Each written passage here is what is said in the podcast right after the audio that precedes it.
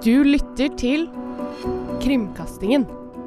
Vi gir deg historiene bak Bell Guns, Dracula, The Alice Killings, Slenderman og mange, mange flere mystiske saker.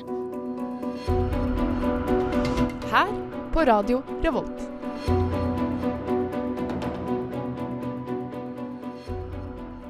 Hei og velkommen til Krimkastingen her på Radio Revolt. Eh, Jeg heter Betty, og med meg i studio i dag, så har jeg Kristine. Hei, hei. Hei. Uh, og hva skal vi snakke om i dag, Kristine? Vi har uh, funnet en ganske spennende case uh, til alle dere som hører på. Vi har Dorothy Jane Scott, heter hun. Og dette er da en ganske skummel historie med en kvinne som blir ringt opp av en fyr som sier mange skumle ting til henne. Han har, forteller ting om henne som bare hun vet. Og så, eh, som programmet vårt er, så ender jo han opp med å drepe henne. Og eh, være rett og slett en skikkelig creep. Og jeg syns det er kjempeskummelt, og så er det veldig mye rart i den casen her som vi kan, eh, som vi kan snakke om. Og det skal vi snakke om. Og jeg kan ikke si noe mer om det enn uten å spoile det, så da eh, eh, Da må vi nesten bare rett og slett sette i gang. Ja, eh, men før det så skal vi høre ei låt. Dette blir Den smale sti med Jon Olav Nilsen. Det er tid for å presentere hovedpersonene. Da var vi tilbake her i Krimkastingen, og vi snakker om Dorothy Jane Scott. Mm. Eh, og da skal vi ha en liten presentasjon av hun. Eh, hun ble da født i 1948. Eh, og den saken vi skal snakke om i dag, tok sted i 1980. Ja, så det er en stund siden, men ikke så lenge siden. Det er en stund siden, men det er fortsatt ganske sånn relaterbart. Du klarer å se for deg cirka hva samfunn det var. Ja. Ja. Uh, hun var da ei alenemor. Hun hadde en sønn som heter Sean. Mm. Uh, og de bodde da sammen i hennes tantes hus. ja. Tanta bodde der?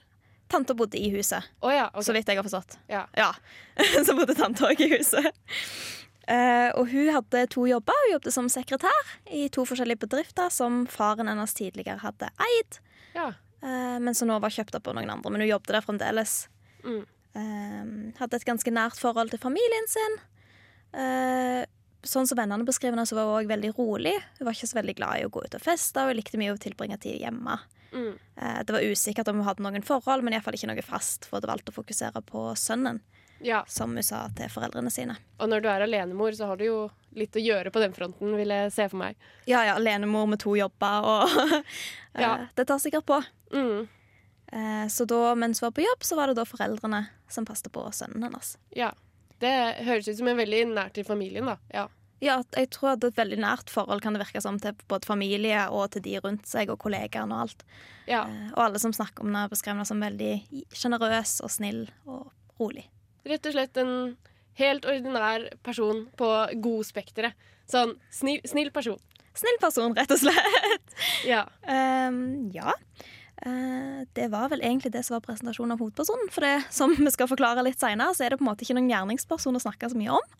Nei, og det er jo ikke så veldig mange personer som egentlig er eh, relevante her, bortsett fra henne og den personen som har gjort det. Nei. Nei. Eh, litt sånn om familie og kollegaer, men det kommer litt seinere fram. Det kommer etter hvert. Eh, så da skal vi høre en låt. Eh, dette blir OK Rosa blomst av Musti. Du hører på Radio Revolt, studentradioen i Trondheim. Ja, da var vi tilbake her i Krimkastingen. Vi snakker om Dorothy Jane Scott. Eh, og nå skal vi gå litt videre til på en måte starten på denne historien. Det er nå det blir skummelt. Det er nå det blir veldig veldig skummelt. Eh, for hva var det som skjedde, som starta hele denne saken? Det som startet, eh, var at eh, Dorothy ble ringt opp på, da hun satt på jobb. Ja. Da var det en mannestemme som ringte, og en mannestemme som hun kjente igjen. Eh, som hun stussa litt på, men hun visste ikke helt hvor hun hadde det fra, har hun fortalt til familien sin i etterkant. da.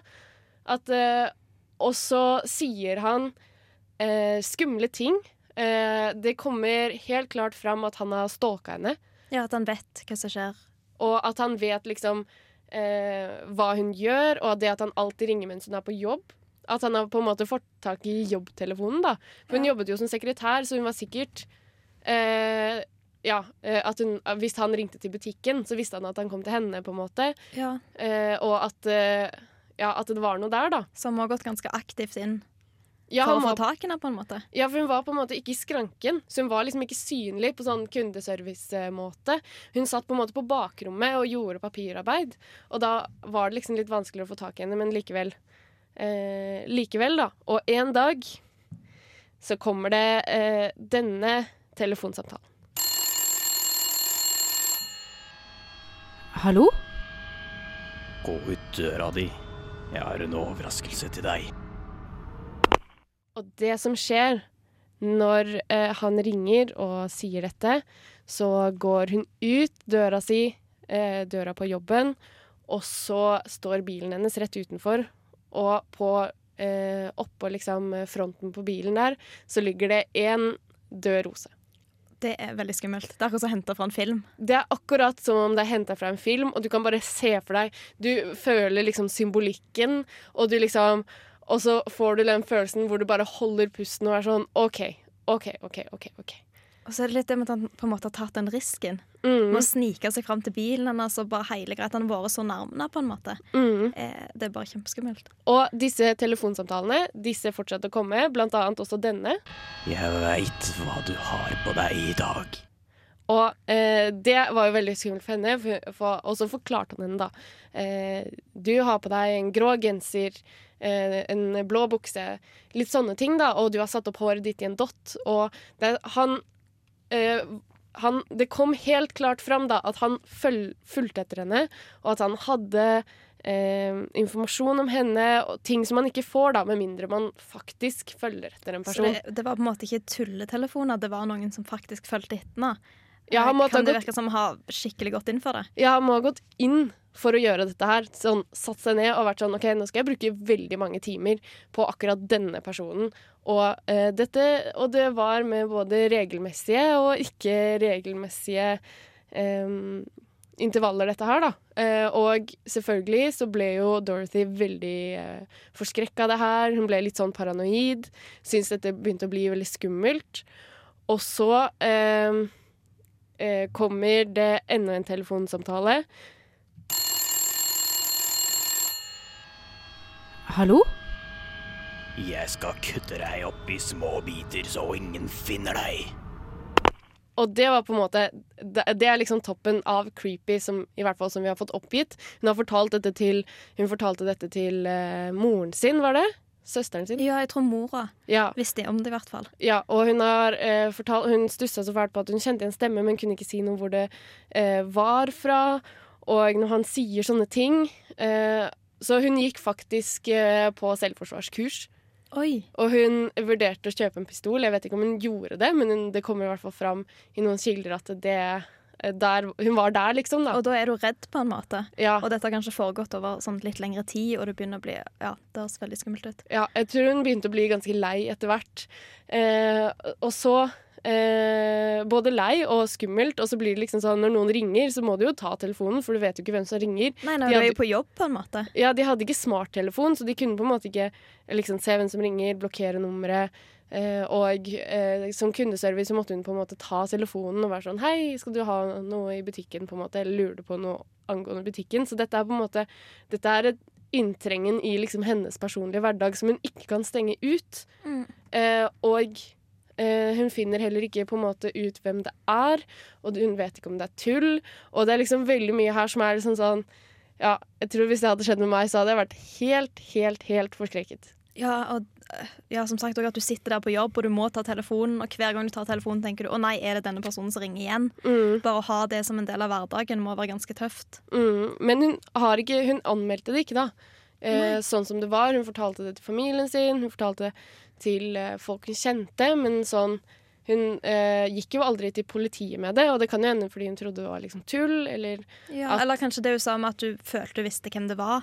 Mm, At du følte kanskje det, ja, men da er det ikke så alvorlig. Det er en person jeg mest sannsynligvis vet halvveis hvem er. At noen bare vil kødde med meg, liksom. Ja, og se hvor jeg har dratt det litt for langt, på en måte. Mm.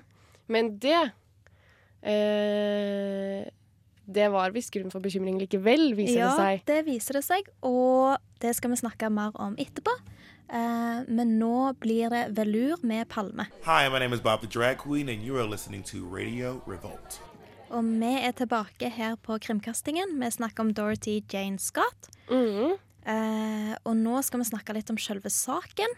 Og hva som skjedde da det skjedde, rett Hva som skjedde, rett og slett. Eh, og da kan vi jo si at det er snakk om en kidnapping, til å begynne med i hvert fall. Mm.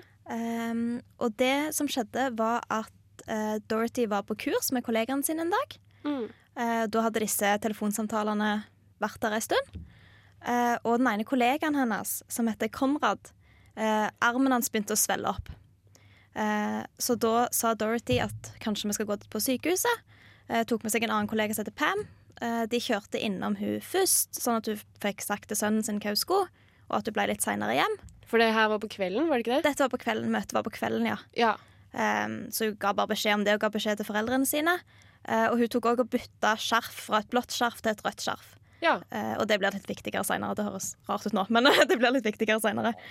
Eh, de kommer da til sykehuset og finner ut at Konrad han har fått et insektspytt. Jeg tror det var en edderkopp. Ja, det var en svart enke. En svart enke. Mm, og det er jo en ganske farlig edderkopp, men det er sånn, det kan behandles, men det er ikke så bra, da. Nei, det er liksom Ja, ikke helt greit. Eh, så mens Konrad og Pam gikk for å skrive ut medisinene, vente på medisinene, så bestemte Dorothy seg for å gå til parkeringsplassen og hente bilen og kjøre den fram, sånn at Konrad slapp å gå, for han var ganske vekke. Ja, han var ikke helt i form. Han var litt vekke på det tidspunktet. litt dårlig. Eh, så vi gikk da ut på parkeringsplassen. eh, Og etter en stund når hun ikke kom tilbake, så bestemte da Pam og Konrad seg for å gå til parkeringsplassen og se etter Dorothy. Mm. Ehm, de kommer da til parkeringsplassen, og bilen til Dorothy kjører rett mot dem, sånn at de må flytte seg i full hastighet, eh, og forsvinner. Ja. Ehm, og så I begynnelsen tenkte de litt sånn mm, det var sikkert et eller annet med sønnen, for hun var jo ei mor. Og når bilen kjører sånn og svinger fort, så virker det som de har dårlig tid, på en måte. Ja, at det er et eller annet som har skjedd. Ja, At du ikke kunne vente på de, og at du liksom var sånn jeg må bare av gårde.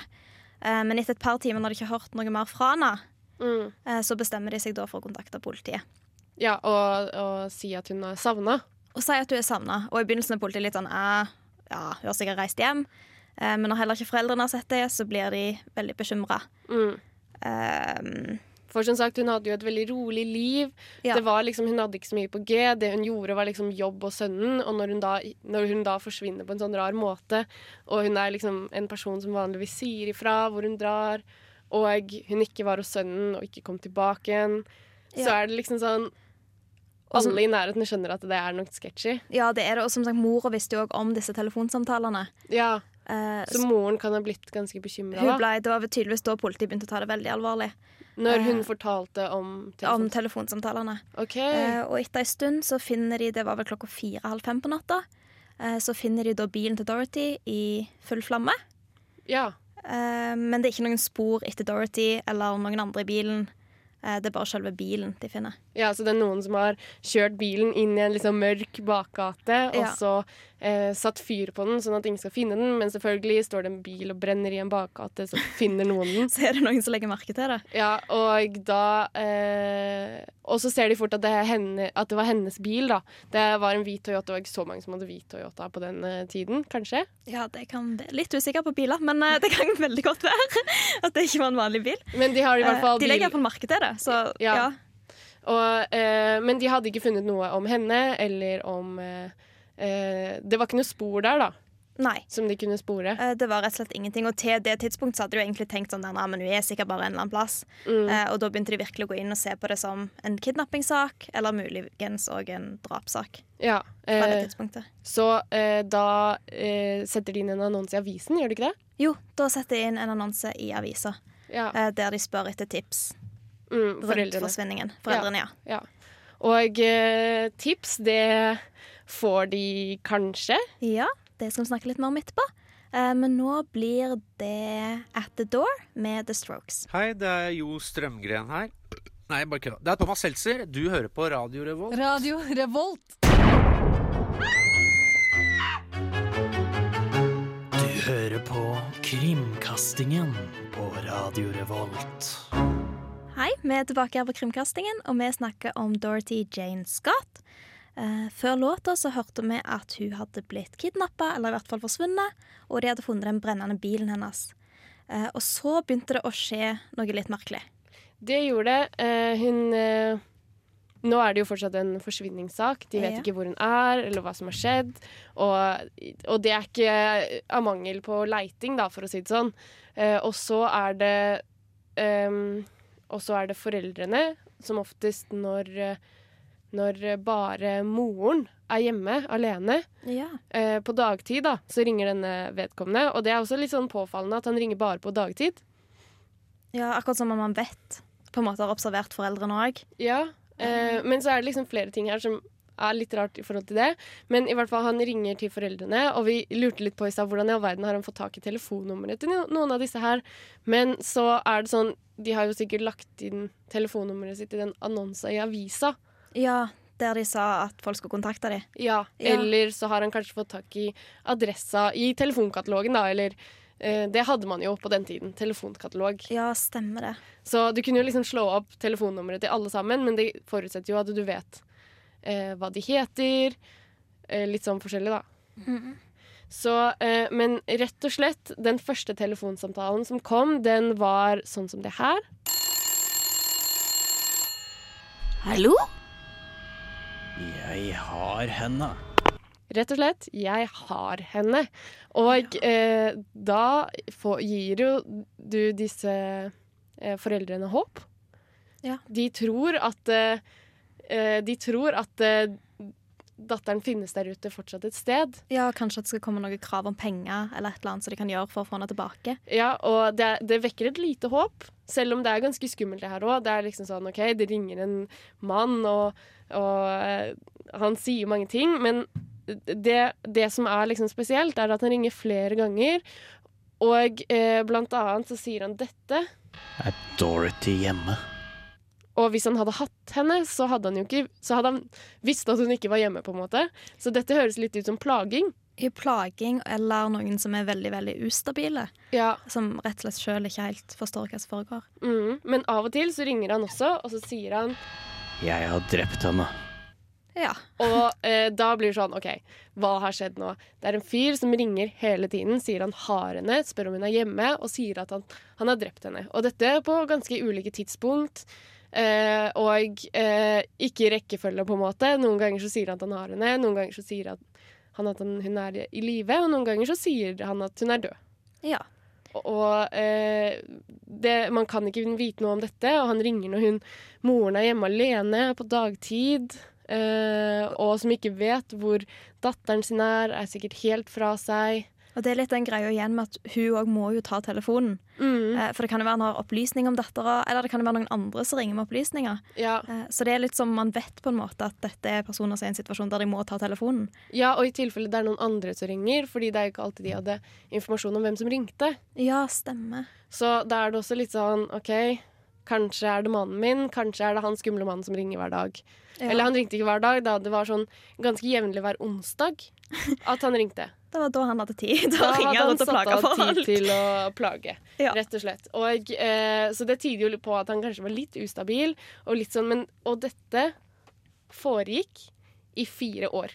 I fire år mottok hun telefoner. Ringte han eh, hver uke og sa eh, enten at han hadde henne, altså han hadde drept henne, eh, eller spurte om hun var hjemme.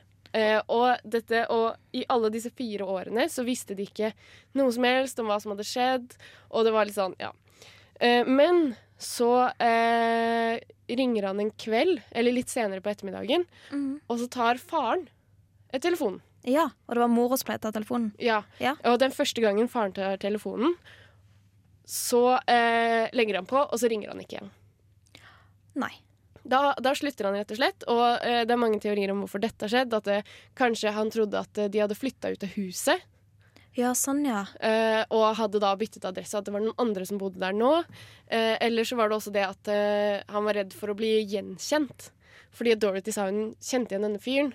Og, eh, det At kan- kanskje det var noen faren visste hvem var. Ja, at Ja. det kan ha hatt noe med saken å gjøre, men det vet vi altså ikke. Men faren Men de, eh, politiet satt jo på en eh, sånn eh, lydopptaker på den linja, og en sporing på den linja, men han var aldri på telefonen lenge nok til å bli spora. Så det er på en måte som om det er en person som er veldig ustabil på noen områder, men også ganske sånn kalkulert på visse områder, på en måte. Ja, for da Så, vet du jo på en måte hvor vet. lenge du må være på en linje for å kunne bli eh, For å bli spora, da. For det, det er jo akkurat sånn som du ser på film, at eh, PC-en må ha litt tid til å loade, og så må den liksom spore, og så kommer liksom de eh, Og så kommer det en sånn stor sirkel som bare eh, zoomer seg inn på ett punkt, og så er det sånn Der! Der er personen! Men eh, ja, det kunne De det ikke kom nå, da. aldri så langt. Nei. Eh, nei. Eh, da skal vi høre ei låt, og etterpå skal vi snakke litt videre om denne saken. Her kommer 'Sometimes' med Her. Radio Revolt! Vi er tilbake her på Krimkastingen. Vi snakker om Dorothy Jane Scott. Og før låta så hørte vi at foreldrene til Dorothy hadde mottatt noen ganske truende eh, telefonsamtaler som gjaldt Dorothy. Mm, og eh, de, eh, Han sa jo at han hadde drept henne, og at han hadde henne, men vi, vi visste ikke egentlig hva som hadde skjedd. Nei. Eh, og så, i 1984, er det en byggearbeider som holder på sånn som jeg forstod, å grave etter noen ledninger. Han skulle bytte noen ledninger. Ja, Så det var litt tilfeldig at han var der, Det egentlig. var, ja, han var i området for å bytte ledninger. Og han finner da det som først ser ut som hundebein. Han graver litt lenger ned, og begynner også da å finne noe som ser mer og mer ut som menneskebein. Ja. Eh, han tar kontakt med politiet, um, som da stadfester at de øverste beina er hundebein, og de nederste beina er menneskebein. Um, og etter ganske kort tid så viser det seg at de annet finner en fiolett, tror jeg det var, En uh, ring. en ring, Ja. Uh, sammen med disse beina, uh, som da ligner veldig på en ring som Dorothy hadde. Mm. Og de finner også ei klokke som har stoppa én time etter Dorothy sin forsvinning. Og det syns jeg er veldig rart. Ja. Fordi hvordan får du en klokke til å stoppe? Det er, sånn, det er ikke sånn at klokka stopper når noen dør. Nei. Eh, For det er nesten av det høres ut som når du leser om den saken. Ja. At det virker som folk er sånn 'Å, men da må jeg dø da'. Ja. Eh, Men eh, jeg tror ikke, klokka var ikke noe ødelagt eller noe heller, så det er akkurat som noen har stoppa klokka. Ja, og det, er, det, det syns jeg er veldig rart. Og det er sånn, det det, akkurat der så er det noe som skurrer. Det er sånn, ok, men Hvorfor stoppa den klokka da? Var det sånn klokke som går fordi du beveger deg, eller var det sånn trekke opp klokke? Man hadde jo mye av det på den tiden. Ja. At du måtte liksom trekke opp klokka for at den skulle gå, og hvis det da ikke er noen som trekker den opp, så går den ikke.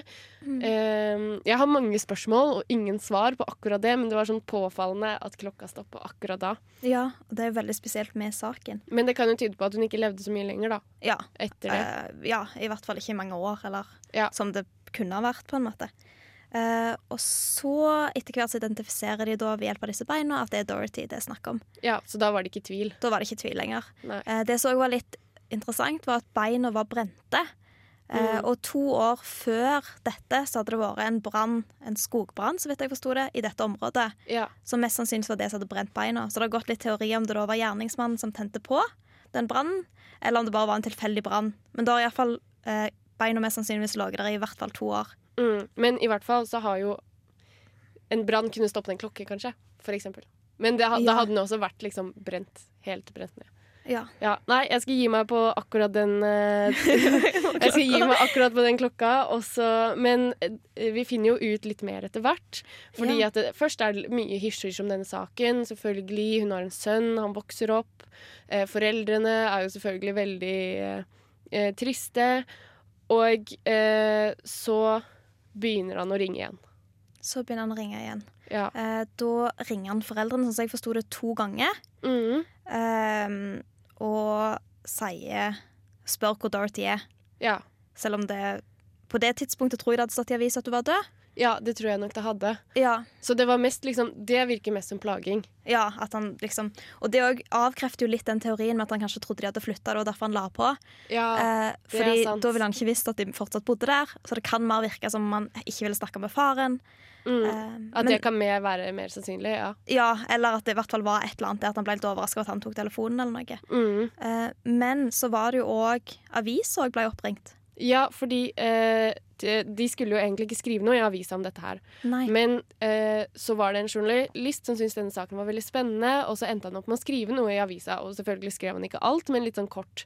Fordi det er en veldig oppsiktsvekkende sak. Det er ganske skummelt, og det er eh, journalistmat, rett og slett. For det er eh, mye spennende da, å formidle her. Og så, og så, etter den saken var publisert, så ringte noen til avisa og sa sånn Det var meg, det var jeg som hadde gjort det, fordi at eh, jeg var så glad i denne kvinnen.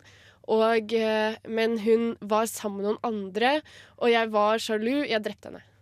Ja. Så Og- da han begynte å ringe inn til avisen òg. Eller noen. I Ja. Eh, og den eh, telefonsamtalen tok de ikke opp, fordi det, den eh, personen som tok imot den telefonsamtalen, var sånn Wow, OK, greit. og, eh, og var sånn Hva skjedde nå? Eh, så det er en videreformidling, da, rett og slett, det han sa. Men Ja. vi vet i hvert fall at det var en person, en mann, som eh, helt klart gjorde seg til i stemmen da, for å liksom si dette her. Så det politiet har konkludert med, var jo at det var denne personen som ringte og sa det var meg.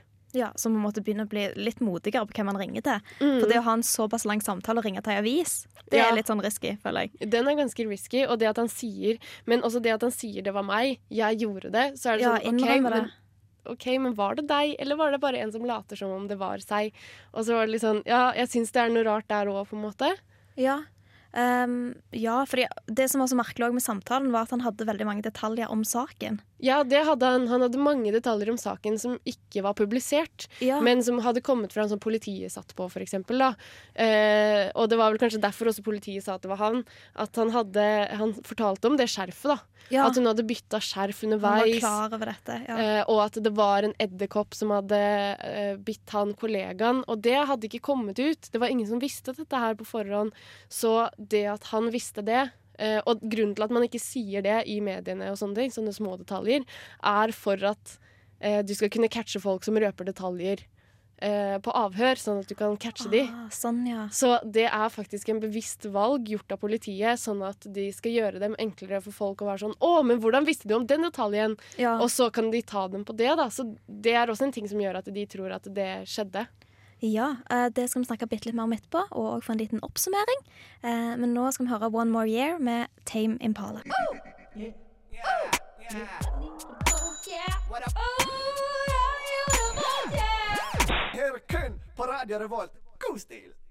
Eh, Dette er Krimkastingen, og vi snakker om Dorothy Jane Scott.